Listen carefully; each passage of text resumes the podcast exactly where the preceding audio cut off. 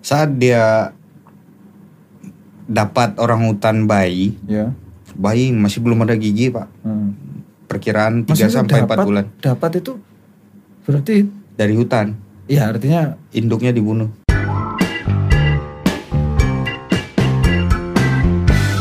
Dr. Victor Fernandes Nainggolan. Betul pak. Selamat malam dok. Selamat malam. Terima kasih berkenan hadir di Humaniora Studio ya. Ya. Malam ini kita ngobrol-ngobrol dok. Eh, jadi merawat orang hutan ya. ya. Rehabilitasi tepatnya pak. Oh rehabilitasi ya ya. Ah, ah. Jadi SOC berarti Sintang Orang Utan Center. Center ya. Jadi pusatnya orang hutan di Sintang itu ya di situ. kan. Betul. Jadi gini dok, eh, saya ya mungkin patut bersedih juga mungkin ya. Mhm. Jadi kalau kan kita ini sedang berada di jantungnya Kalimantan, ya. the heart of Borneo katanya. Padahal itu jargonnya apa ya wisata ya Mhm. tahun 2018 kalau nggak salah itu. Nah jadi di jantungnya Borneo atau Heart of Borneo pengen melihat orang orang hutan eh orang hutan Orang hutan. pengen melihat orang hutan itu harus di kandang Ya. itu bener nggak itu dok? Ya kalau di sekitar kota hanya di kandang. Oh gitu. Ah. Tapi sebetulnya masih banyak lah ya. ada tapi tidak banyak lagi pak dan terancam juga Oh gitu. Ah, karena ya itu tadi habitat yang semakin sempit, perkembangan manusia maksudnya permukiman, konversi lahan. Nah, itu membuat populasi orang hutan liar Hmm. semakin kecil. Berarti padahal sama-sama orangnya gitu ya. Ya. Genetiknya Tapi di- mirip-mirip di sana di sana orang hutan, kita orang kota. orang, orang Sintang. nah jadi itu. eh SOC itu apa ini Eh, sejarahnya bagaimana? Dulu kemudian bisa ada SOC itu dok. Jadi di si Sintang ini ada pastor namanya Pastor Jack Masen.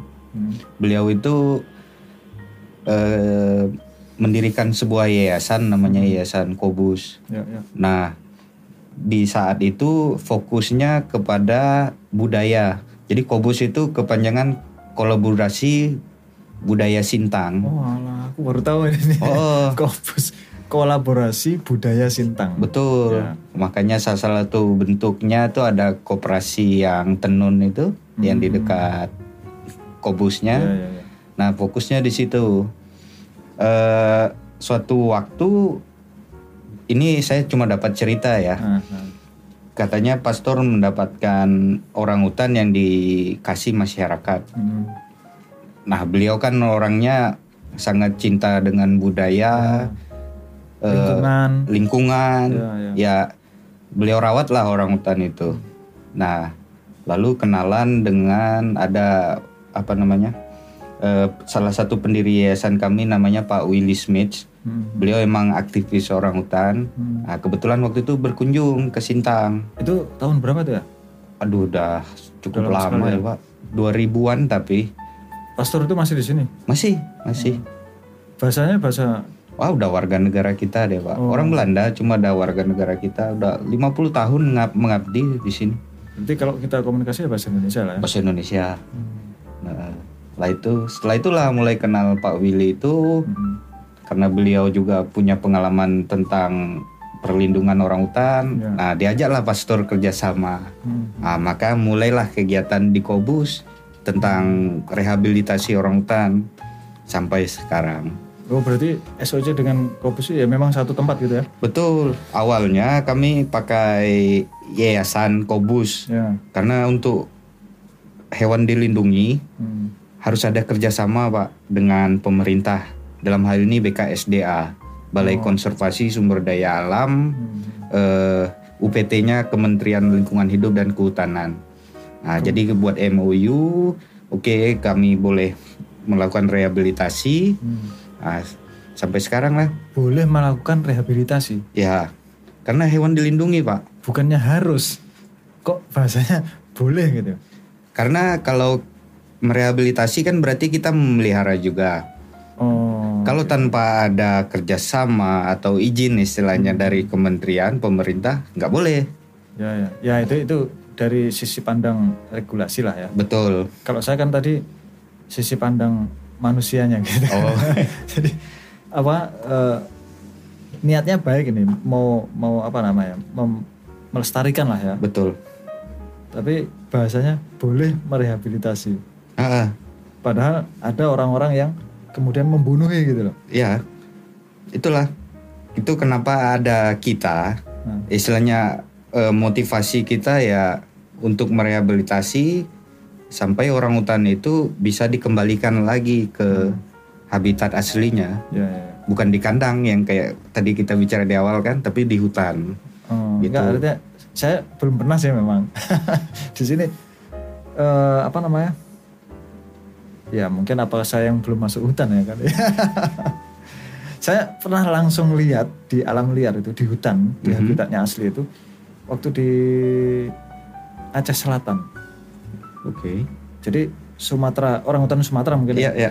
jadi di Aceh Selatan itu di rangkaian pegunungan Loser itu Mm-mm. Loser lah ya itu pernah langsung saya lihat di atas pohon itu Mm. kalau di sini saya belum pernah Ya di sini udah jarang sekali pak. Nah itu artinya ya berarti eh, di awal tadi saya bilang eh, untuk bayangkan kita sedang berada di jantungnya Kalimantan Ya tapi untuk bisa melihat orang hutan ya ya bisa lah saya sebut di kandang toh betul. di kandang rehabilitasi maksudnya Iya.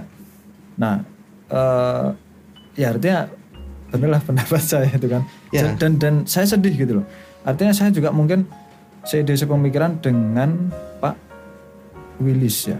Willy atau Smith, atau juga inilah eh, pastor, Pastor. siapa tadi? Jack Masen. Nah, pastor Jack Mason artinya apa? Saya juga cinta lingkungan gitu. Ya. bayangkan misalnya kok jangankan yang yang eh, hewan ya dok ya? Kayu saja. Misalnya saya dengar ada kayu belian. Hmm. eh, ada orang jual kayu belian. Wah aku langsung berarti ada kayu yang usianya ratusan tahun yang habis ditebang gitu loh Ya. ya kan lah untuk sebesar apa betis kaki aja itu 20 tahun Ya. Betul. Nah, jadi kalau ada orang jual kayu belian, berarti ada yang usianya ratusan tahun ditebang. Oh itu saya rasanya sedih gitu. Ya walaupun memang sih namanya manusia itu juga butuh, eh, artinya butuh dari alam juga kan. Tapi maksud saya, bahwa ya ada pikiran jangan sampai punah gitu kan. Nanti setelah punah baru Bingung. menyesal gitu kan. Oh, Anak cucu kita nanti nggak nggak bisa mendapatnya. Kalau sekarang kan bisa dikatakan kita sudah nggak dapat kayu belian lagi kan. Hmm. Berarti karena kakek nenek kita dulu rakus gitu kan. Mungkin gitu. Oke. Eh, jadi kegia- berkegiatan di eh, Kobus itu ya. Ya. Eh, kegiatannya apa saja? gitu? Jadi SOC fokus kami kan tujuan akhirnya untuk melepaskan orang hutan lagi. Ya. Jadi kerjasama dengan KSDA tadi eh, mengambil Hmm. karena melanggar hukum kalau kita melihara kan. Tapi masih ada masyarakat yang memelihara. Jadi diambil secara persuasif supaya Oh, mereka gitu. menyerahkan. Oh nggak boleh loh, secara hukum kalian salah loh. Iya, iya. Cuma kan kita eh, apa namanya? Eh, kadang masyarakat yang di dalam kampung yang pelosok untuk kesadaran tentang hukumnya kurang, makanya di secara persuasi, persuasif dikasih Diedu- tahu. Lah ya. Betul. Habis itu dibawa ke Sintang. Hmm. Dikarantina, dicek kesehatan dan sebagainya. Nah, setelah itu baru Dirilis. belum. Oh belum. Karena kalau udah dipelihara terlalu lama, Pak, langsung kita lepaskan bisa Mati. mati karena dia nggak mampu bertahan hidup. Ya ya. Karena insting liarnya udah mungkin bisa dibilang hilang. Ya, ya. Eh Bapak bayangkan aja ada orang hutan waktu itu yang terbiasa makan Indomie rebus, Oh, minum es teh. kecil ya. Ya, 17 tahun dipelihara oleh eh, manusia, ya tingkah lakunya udah kayak manusia. Ya, ya. Jadi kalau kita lepaskan langsung yang seperti itu ya pasti dia nggak bisa bertahan hidup. 17 tahun loh ya. Betul. Emang usia maksimum rata-rata berapa?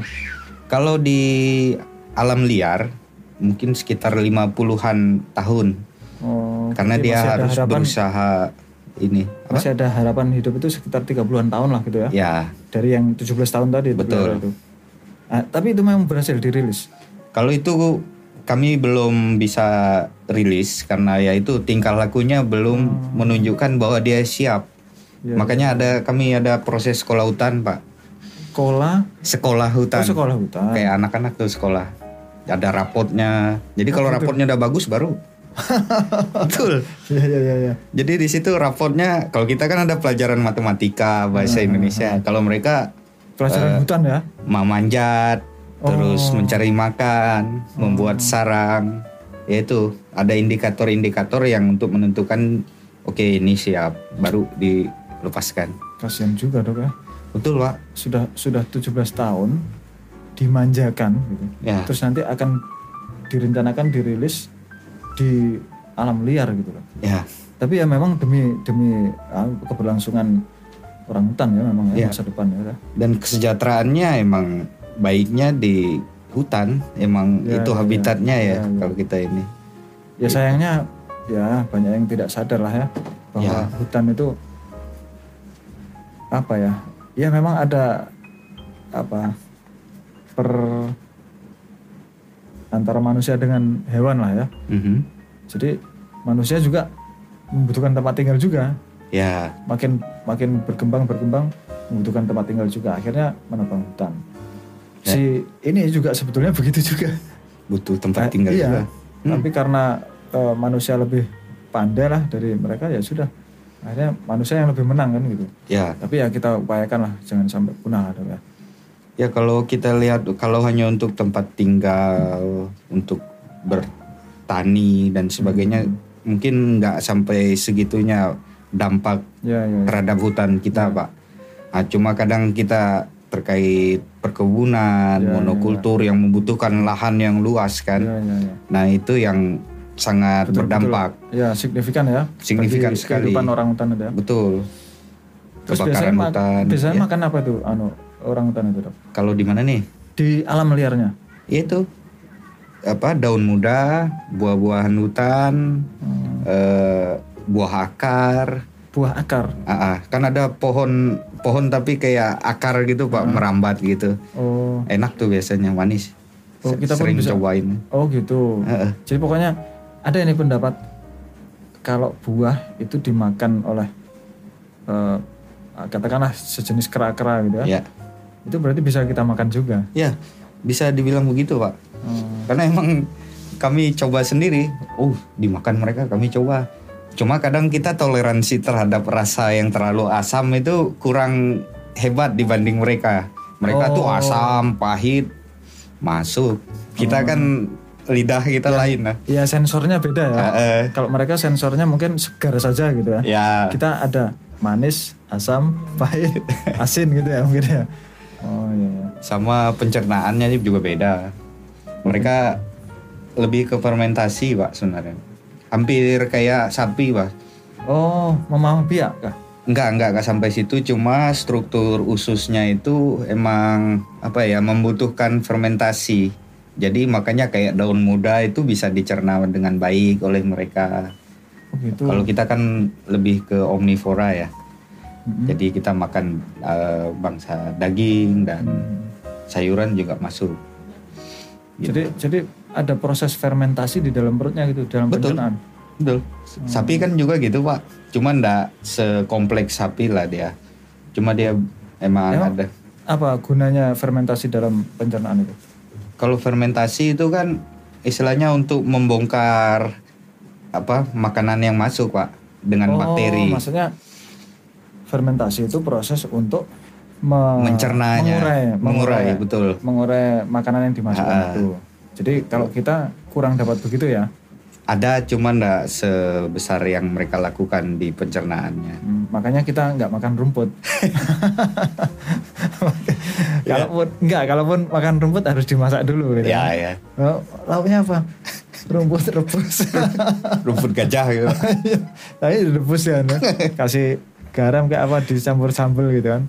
Nah kita daun jambu monyet kan kita makan juga. ya. Eh, apa dilalap gitu kan. Kan sama-sama daunnya, tapi kenapa nggak semua daun kita makan ya? Enggak ya? itu itu kalau pertanya- pertanyaan konyol itu dok.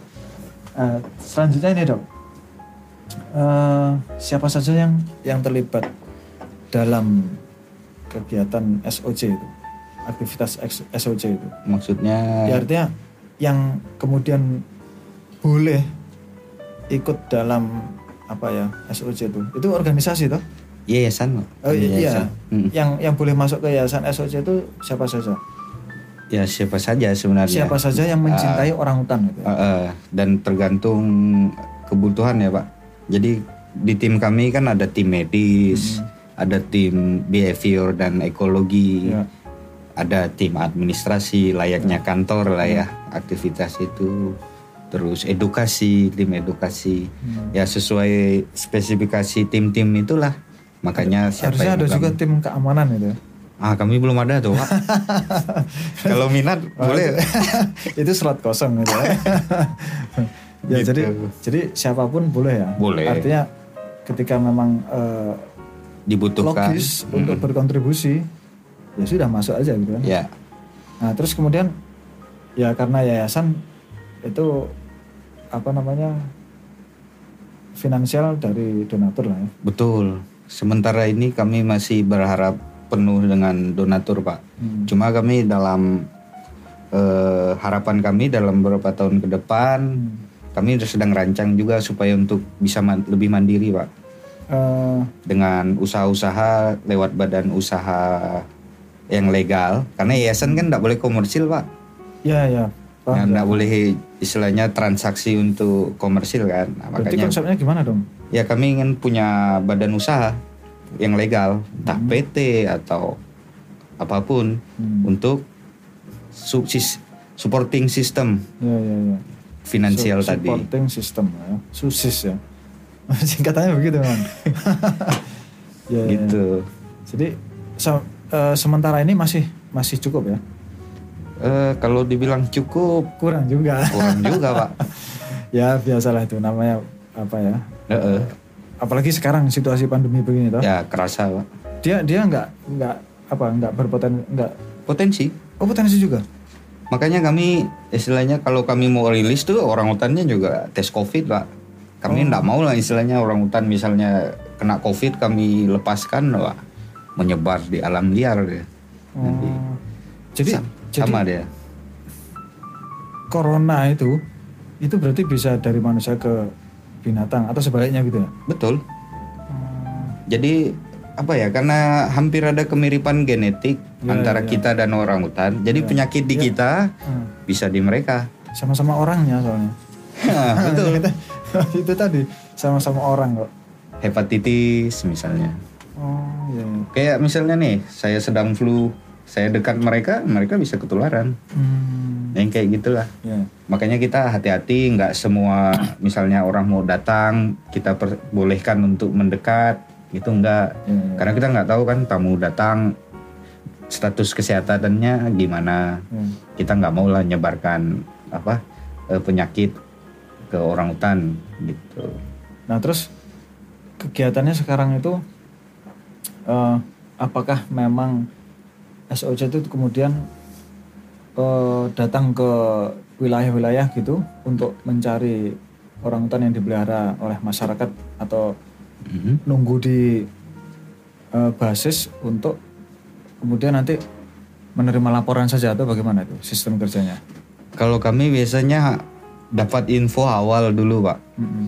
Baru kami tindak lanjuti dengan ya semacam investigasi gitulah, Pak. Oh. Karena Jadi kalau kita nggak ada hunting itu nggak ada ya? Kalau hunting kami sumber daya ma- kami yang nggak cukup. Oh. Istilahnya kita punya area yang sangat Iya, luas iya, kan. iya. Soalnya ini kita nggak cuma di Sintang, Kapuas Hulu, Oh, Sanggau, Sekadau, oh sampai ke sana wilayahnya ya? Singkawang. Lulu sampai sana. Ada ada orang hutan yang dari Singkawang. Di Bukan maksudnya di Pontianak nggak ada SOC. nggak ada. Basisnya emang di sini, Pak. Cuma wilayah kerja kami ini ya Kalimantan Barat gitu. Oh. Jadi personil ada berapa sekarang? Kalau kami total 38, Pak. Cuma Wow. dibagi, Pak, empat lokasi. Ya kalau dari Kapas Hulu sampai Singkawang ya itu provinsi dong. Betul, karena kerjasamanya kan BKSDA provinsi. Oh, iya iya iya. iya, iya. gitu. Kenapa kemudian sampai ke sana ya karena Ada temuan misalnya. ya enggak artinya terkait dengan BKSDA sih kerjasamanya toh. Betul. Nah, itu. Jadi ya, ya sudah wilayah kerjanya wilayah kerjanya BKSDA itu tadi. Ya, Hmm, ya ya. gitu. Terus sejak berdiri sampai sekarang itu dok, itu berarti ada lah datanya eh, Orang lengkap hutannya ya. yang sudah pernah direhabilitasi kemudian dirilis sudah ada ya. Sudah ada Sekitar- enam- 16 Pak yang udah Oh 16 berhasil. ya. Sejak berdiri SOC ya. Ah, ah. Dan itu masih di ini, masih di apa namanya observasi Eh, mereka di alam liar itu. Betul. Jadi misalnya kita rilis selama tiga bulan dari sejak dia dirilis tuh kita pantau terus. Sejak tiga bulan. Se- selama tiga bulan sejak dia di- dilepas liarkan. Oh iya iya. Karena kami kan lepas liarkan di Taman Nasional Betung Krihun di Kapuas Hulu. Oh gitu. Nah di sana kami Selalu di sana rilisnya. betul. Emang lokasi pelepas liaran kami di sana. Kenapa yang dipilih di sana?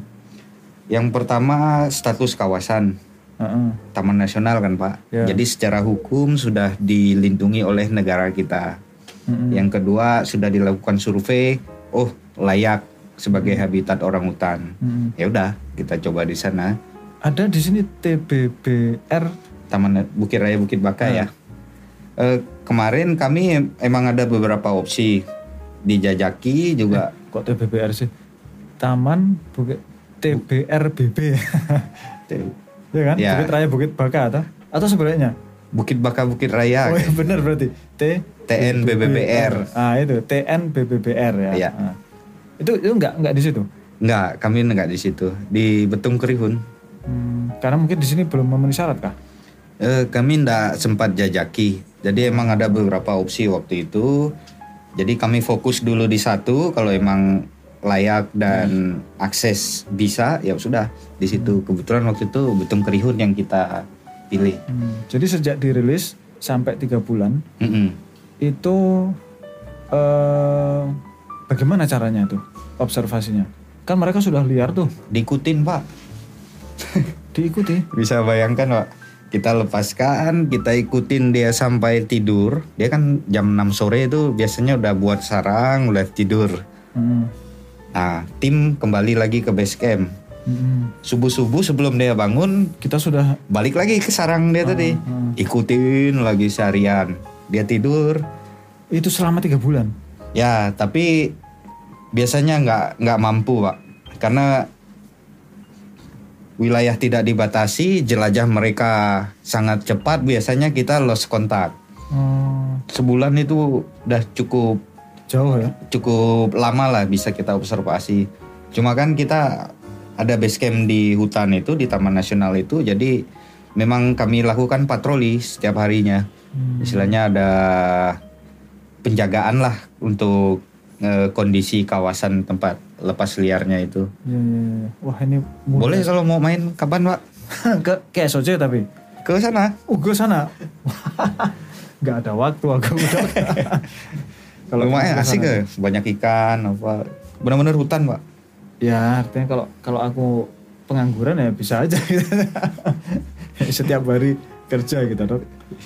Tapi ya ya mudah-mudahan lah saya berharap eh, nanti SOC bisa apa ya eh, artinya bisa terlestarikan lah SOC-nya dulu gitu Ya, ya.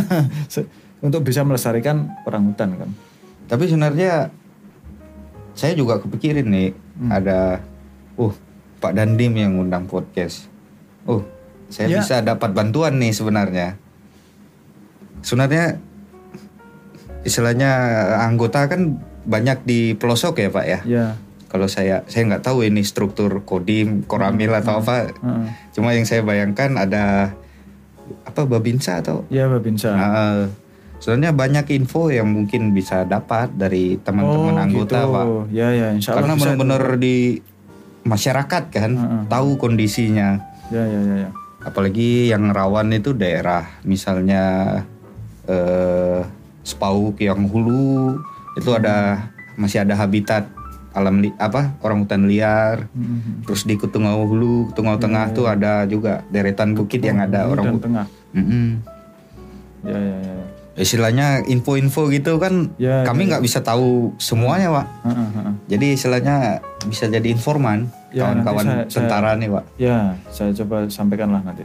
Gitu. Jangan, jangan, jangan pula malah tentaranya yang melihara. Wah itu parah. Gak boleh harus harus melestarikan lah. Ya itu, itu, eh, kenapa saya undang itu ya memang eh ya apa pun itu, dok. ya Saya pengen memberikan manfaat lah. Ya kalaupun ada saya bisa memberikan manfaat. Oh informasi ini loh ada SOC. Kemudian SOC itu tujuannya untuk melestarikan orang, hutan. Mm-mm. Jangan sampai nanti eh, kemudian punah dan seterusnya. Kita kan belum tahu nih. Misalnya nih ya, orang hutan itu punah. Ada nggak kita kira-kira memberikan dampak kepada lingkungan, ekosistem, pasti ya kan? Mm-mm. Karena kita yakini aja Tuhan itu menciptakan apa pun ada, gunanya toh. betul Nah, sampai saya kemarin eh, contohnya gini dok, saya membaca eh, paus biru kalau nggak salah ya. Mm-mm. Kalau nggak salah nih, paus biru itu katanya juga apa eh, berpengaruh kepada perubahan iklim dunia bahkan. Oh.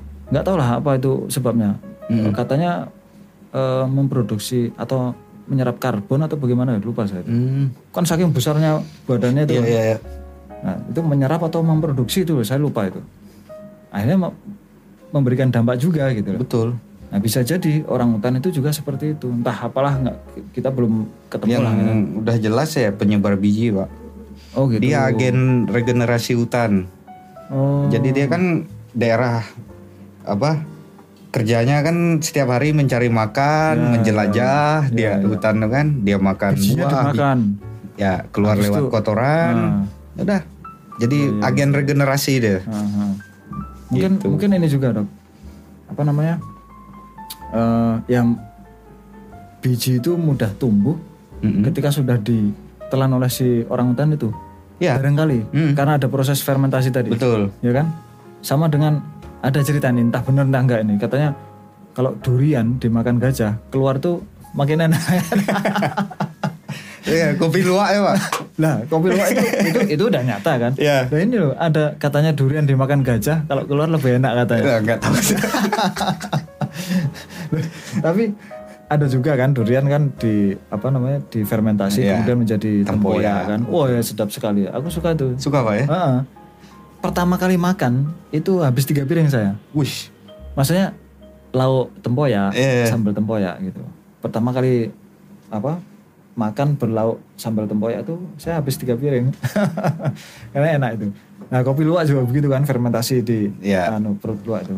Nah kita nggak tahu lah apakah ini Belum, orang hutan ya salah satu yang sudah diketahui itu ya. Ya artinya dia agen penyeb apa regenerasi hutan. regenerasi hutan sementara kita agen susah ngomongnya agen deforestasi. eh, gimana tuh? Jadi sama-sama orangnya nih, tapi yang satu agen regenerasi hutan, yang satunya agen deforestasi. Kan, waduh parah ini. Ya itulah. tapi nggak artinya kita ngobrol-ngobrol ini kita sambil ini ya menginformasikan atau mengabarkan pada Betul. publik, ayolah kita eh, lestarikan hutan, Iya. lestarikan penghuninya gitu kan. Karena udahlah kita berpositif berpikir bahwa eh, semuanya itu ya memang untuk harmoni lah harmoni apa namanya dunia ini kan. Pasti ada nggak mungkin nggak ada itu. Ya karena nggak bisa sendiri. Kalau kita mau menjaga bumi ini oh iya iya. harus secara kolektif bersama pak. Ya apalagi kita kan dipercaya eh, oleh masyarakat dunia bahwa hutan Kalimantan itu paru, paru-parunya dunia kan ya Nah, bagaimana pertanggungjawaban kita kepada masyarakat dunia ya kan? Kalau kemudian ternyata kita dengan seenaknya tebang hutan, seenaknya eh, apa namanya membunuhi faunanya dan Ya. seterusnya itu kan, nanti kita dituntut orang sedunia. gitu. Tapi bisa nuntut balik sebenarnya Nah, kontribusimu apa oh gitu. kamu ngisap oksigen dari kami loh benar pak Iya ya. kan ada istilah carbon trade tuh Carbon trade. jadi perdagangan karbon Heeh, heeh. jadi karena kita Oh, carbon trade. ah kita ini kan penghasil oksigen yang cukup besar ya. Ya. Dan- Mereka balas karbon. Jadi mereka itu ya apa ya penerima dampak baik dari hutan yang kita punya. Heeh. Nah, cuma saya secara spesifik gimana perdagangan karbon itu bis ada, saya juga nggak tahu persis, tapi jelas ada ada is- istilahnya carbon trade itu. Itu bagaimana sistemnya tuh? Jadi misalnya kita punya satu kawasan hamparan berapa, kan bisa di dikalkulasi Ya. berapa banyak karbon yang bisa dinetralisir oleh hamparan hutan kita itu Nah itu senilai itulah kontribusi yang kita minta. bisa. Oh. Jadi ada hitungannya saya nggak tahu persis, tapi gimana? Tapi memang sudah pernah dilaksanakan? Sudah ada di beberapa daerah itu pak, yang di Indonesia ini. di Indonesia nih. Oh. Cuma ada lem- beberapa lembaga yang memang fokus di situ untuk istilahnya, oh masyarakat yang punya hutan dapat manfaat secara Oh, iya, secara iya, iya, langsung iya. Yang Gitu. yang manfaatnya itu juga nanti untuk eh, juga menjaga hutannya lagi. eh, artinya memang saling memberi feedback itulah ya. Ya Saling saling mendukung terus gitu ya. Betul.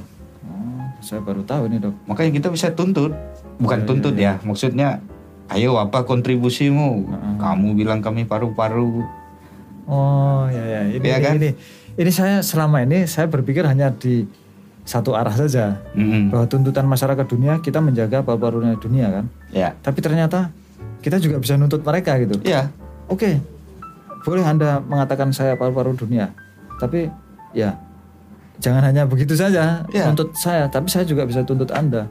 Apa kontribusinya untuk kemudian saya bisa terus melestarikan ini kan gitu. betul. Wah itu itu.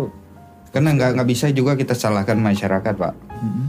Kita tuntutan ekonomi ada, Ya ya ya. ya istilahnya, aduh, saya disuruh jaga hutan, perut saya lapar, anak saya ingin sekolah, Ah, ah, ah. Ya kan di situ ada kepentingan Ya ya ya. manusia eh, masyarakat sekitar hutan dengan tuntutan atau aturan yang itu nah, gimana caranya menselaraskan Ya ya ya.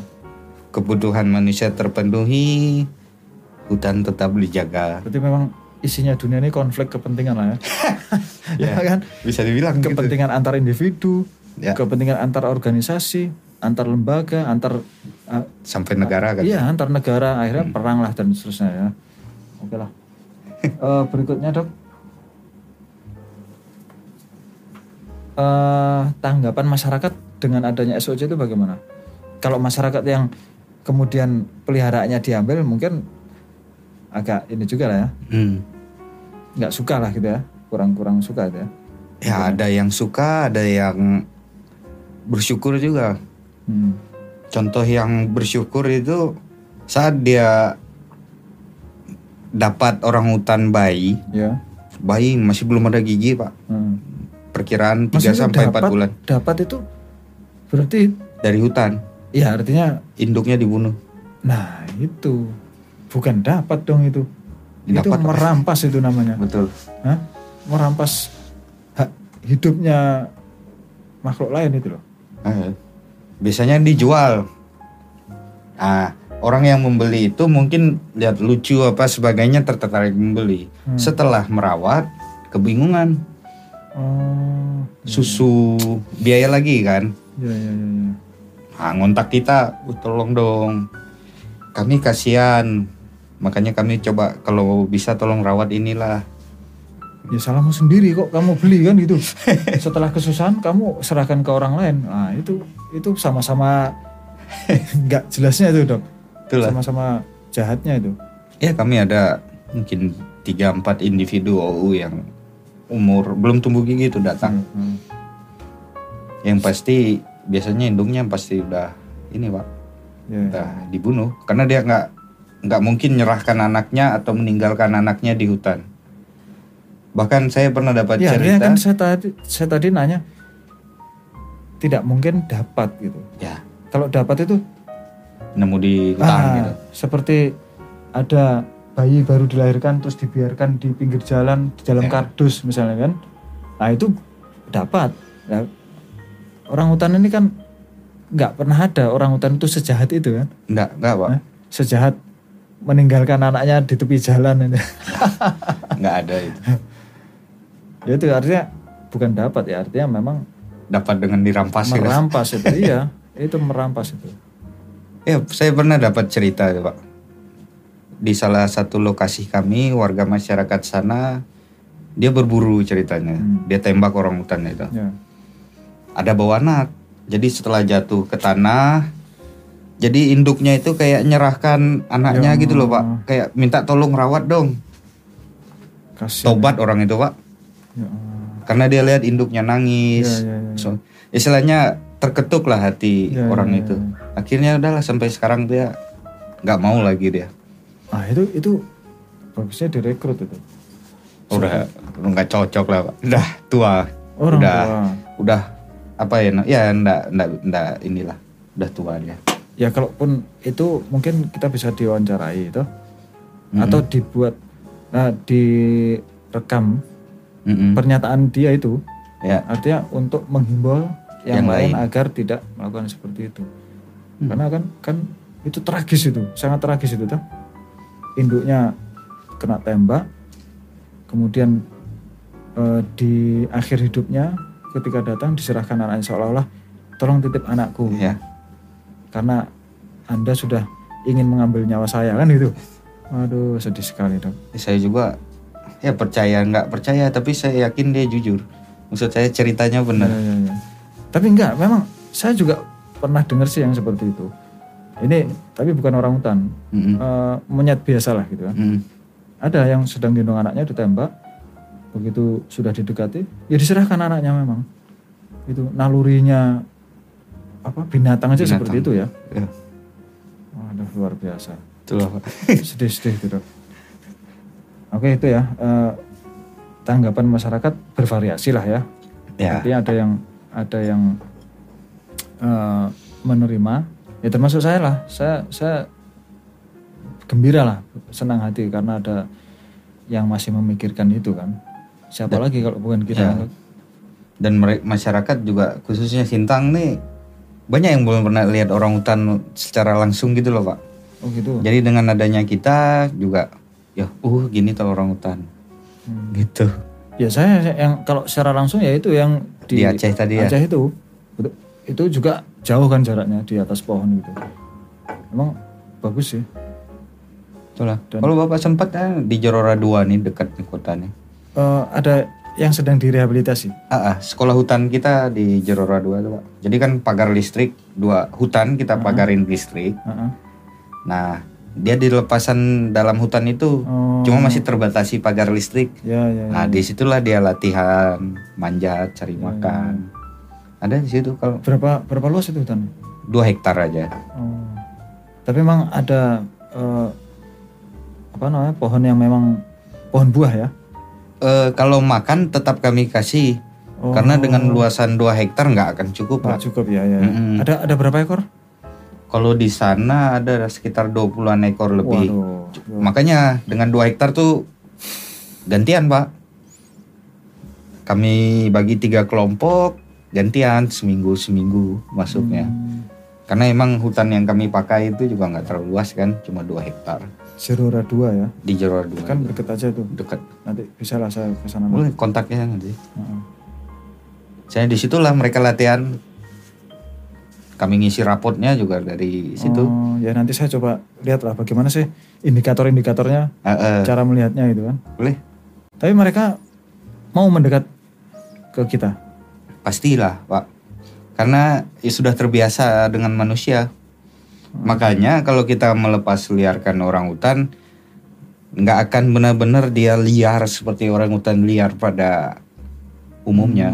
Karena sudah ada memori di kepalanya. Hmm. Ya, oh ya, aku ya, pernah dikasih susu. Oh aku Nanti pernah ketemu dikasih buah. manusia mendekat dia malahan. Ya bisa Suatu jadi. saat loh ya, setelah diliris, eh, apa, dirilis. Makanya kami sering ketemu tim monitoring kamu di tempat pelepas liaran kan. Hmm. Ketemu yang udah misalnya tahun 2017 kami lepas. Hmm. Ketemu lagi tahun 2021 dia masih tertarik. Hmm. Walaupun dia mulai jaga jarak. Cuma masih ingat dia. Hmm. Sedih ya. Itulah. Mungkin dia dia juga pengen apa berpelukan gitu kan. Karena masih ingat tuh kangen. masih mungkin. ingat dia pak. rindu itu. Ya itulah. Kasihan memang. Nah, terus tidak ada kita seperti misalnya yang saya lihat di TV misalnya itu dok, Mm-mm. eh, untuk kepentingan observasi nih. Jadi yang sudah dilepas liarkan itu dipasangi pemin, eh, pe- Chip. pemindah itu ya. Mhm. apalagi. Tidak ada ya, seperti itu. ya? Dulu kami pernah coba pak. Waktu rilis pertama, pelepas liaran pertama ada chip Hmm. sebesar ini dia. Tapi di bukan GPS dia koneksinya dia pakai kayak radio, Hmm. Jadi oh gelombang radio. gelombang radio bukan Nanti kita GPS. cari pakai antena. Ah, gitu. Cuma dengan kontur lokasi pelepas liaran, Hmm. karena di Betung Kriun tuh bukit-bukit, lembah Iya, gitu iya. loh pak. Iya, iya. Jadi Nggak tembus. Nggak nggak efektif Hmm. gitu. Makanya kami hentikan penggunaan chip soalnya lumayan besar dan tidak efektif ya. Hmm. Ya lebih baik nggak usah lah. Ya, Kami, kami coba rilis pertama, ya nggak nggak efektif deh dengan Hmm. kontur tanah kayak gitu. Jadi tadi saya lupa tuh, eh, kan tiga bulan ya eh, observasi ya setelah dirilis. Nah Ya. setelah tiga bulan, Ya sudah dibiarkan oh saja. gitu. Tapi Waktu- kan kami setiap bulan, setiap tahun tetap ada tim di sana yang Hmm. standby untuk Ya. patroli ya, ya, ya. keamanan lah. Hmm. Ya sudah. Nah biasanya ketemu lagi nih. Kayak kemarin waktu kami baru saja kami ngelepas kemarin awal bulan kemarin sana. Eh ketemu yang tahun lalu, eh tahun 2018 dilepas Masih liarkan. masih ingat ya dok ya? masih masih ketemu. Nggak, artinya kita pun juga masih ingat. Ya, walaupun pasti berubah. Biasanya bulunya lebih panjang tuh. Oh. Kalau udah di hutan tuh. Oh. Karena dia adaptasi dengan suhu kan. Ya, ya, ya, ya. Di hutan kan lebih dingin. Ah, ah. Badannya lebih besar. Oh, Bahkan gitu. ada yang udah bawa anak. Dia. Wah, alhamdulillah. Istilahnya ya itulah indikator kesuksesan pelepas Ya, ya. liaran Oh, dia itu- bisa itu- berkembang biak. Bahagianya itu Iya, Pak. mungkin kalau bisa kita peluk nangis itu kan. ya dok ya. Soalnya kita tahu dia dari kecil misalnya kita rehabilitasi sampai sekarang Sudah dewasa dan sudah punya anak. Heeh, Wah sudah menikah udah punya anak. Itu. itulah. ya ya ya. ya. Ya, Asik asik. kawan-kawan juga kadang nangis itu. Oh gitu. waktu mau dilepas liarkan. Oh. Jadi kayak ada ikatan gitu loh. Ah, Apalagi yang kawan-kawan cewek, Ya ya ya. dia emang kami tugaskan untuk fokus di bayi-bayi kan. Oh ya ya. Naluri di di apa eksplorasi naluri ibunya ya. Betul. Heeh. Tapi emang beda pak. Apanya? Untuk yang bayi ini emang lebih cocok eh, cewek yang rawatnya nih. Karena Oh. ya naluri ibu tetap Ya, ya, beda ya, loh. ya. Heeh. Jadi ya itulah dari kecil. Udah macam anaknya aja gitu lah. betul pak. Pasangin pampers, Hmm. sampai dia beberapa tahun dilepas liarkan kan pasti Waduh. ada senang ada sedih Ya itu memisahkan ibu dan anak. itu. Ibu asuh maksudnya ya yang selama ini. Ya ya. ya. eh, kadang nangis terharu juga liatnya. Jadi eh begitu ya dok ya. Ar- Artinya memang sudah ada yang yang berhasil gitu ya. Kemudian sampai apa punya anak itu Ya. itu sudah banyak yang begitu ya. Yang Atau baru, baru- punya baru- anak baru satu yang gitu. yang istilahnya dia berkembang biak di alam baru Hmm. satu yang ini Tapi memang memang kita bisa lah mengenali ya. Walaupun kalau saya pikir kayaknya orang hutan itu bentuknya begitu-begitu semua. kalau sering kelihatan beda kok pak dari mukanya terus ada ciri-ciri khusus tingkah Ya, laku kalau, khusus Kalau, kalau ada ciri khusus ya kita bisa tahu lah misalnya apa ya eh, apalah warna ini ada Hmm. agak beda misalnya. Ya, tapi secara umum kan bentuknya orang hutan itu macam itu. iya wajahnya beda pak kalau kita sering ya ya ya. ini ngerawat pasti bisa membedainnya Ya ya ya. Ya, sama kayak- sebulan aja udah hafal itu Hmm, jadi memang memang beda lah antara orang hutan satu dengan yang lainnya itu sebetulnya memang beda ya. beda terus ada tingkah laku spesifik misalnya ada yang suka ngemut jari Oh gitu. ada yang Tidak semua suka. tidak Eh, ya itulah ada tingkah laku khusus ciri-ciri khusus misalnya ada yang jarinya agak bengkok Oh ya. Yang kayak- Ya, kayak kalau, gitu. Kalau kalau itu kan mudah lah ya, Ya. Tapi kalau yang tidak punya sama sekali kan, berarti kan dari wajah gitu dari wajah ya. Hmm. Jadi pada dasarnya memang ada bedanya. Ada ada. Mhm. Ah, ya ya, oke lah. Mungkin begitu dok. Saya ini bincang-bincang kita malam ini. ya setidaknya saya juga bisa tahu, kemudian juga nanti publik kan bisa tahu. Oh ternyata Ya. seperti itulah eh, apa namanya SOC itu. Ya. Jadi berangkat dari rasa cinta ya. Si siapa eh, Pastor Jack Mason tadi kan. Ya. Nanti mungkin suatu saat nanti aku undang juga lah. Ah, boleh. itu kan. Bisa. Jadi biar lebih inilah ya, lebih apa namanya, mungkin dari hati lah itu. Bagaimana sih? Saya pengen tahu ini hatinya ya. Yang awalnya tidak ke situ kok jadi Ke situ. ah ke situ. Ternyata memang ya cinta itu meliputi semua aspek gitu. ya, ya meliputi semua aspek dan apa ya menembusi seluruh dimensi lah. Ya kan gitu kan. Terus sekarang dimensi apa manusia, dimensi eh, fauna ya kan. Terus flora juga kan gitu. Right. Kalau kita mencintai tumbuhan, tumbuhan juga cinta sama kita kan. Ya. Kan kan gitu. Dok. Terima kasih dok ya. Oke, Eh, sama-sama, sudah Pak. berkenan hadir dan berbagi pengetahuan. Ya. Eh, mudah-mudahan ini awal yang baik bagi kita semuanya. Terus nanti juga saya mungkin ya bisa berkunjung ke mana? Apa namanya? Hutan hutan eh, Sekolah hutan. Sekolah hutan. Hmm. Sekolah hutan di Jerora 2. Makasih, Dok. Nah, eh, nanti saya tutup dengan closing ya. Nah, eh, oh iya nih, Eh, saya saya perkenalkan dulu nih. saya eh, saya buat apa namanya? Baju orang hutan, Dok. Oh. Nah. Eh, se- sepakat nggak ini dengan anu quote-nya ini? Hmm. Ya. Jadi saya buat orang hutan, apa gambarnya orang hutan, tapi kata-katanya begitu. Let us keep humanization with humanity. Artinya memanusiakan manusia dengan kemanusiaan. Ya. Nyambung nggak dengan orang hutannya? Nyambung. Ya, ya artinya ketika kita memanusia, oh, bukan memanusiakan ya, memperlakukan dengan baik orang hutan itu, itu lah binatang aja kita perlakukan dengan baik. Artinya ya, saya berharap Dengan dengan manusia pun juga seperti Ya. itu kan. Jadi persis. walaupun atau ini juga sindiran lah. jadi jadi apa namanya? Buktinya tadi kan orang hutan itu ketika apa namanya dia mau mati karena tertembak atau ditembak itu Hmm. dia berupaya menitipkan anaknya anak. gitu loh. Hmm. nggak ada orang hutan itu terus kemudian meninggalnya anaknya di pinggir jalan Ya. kan nggak ada orang yang mana itu yang meninggalkan anaknya di pinggir jalan itu nah, itu maksud saya dok ada sindiran juga nanti ada closing ya anu eh, ke sana kemudian kita sama-sama sampaikan di sini humaniora gitu dok Ya. let us keep humanize human with humanity हुमनेवरा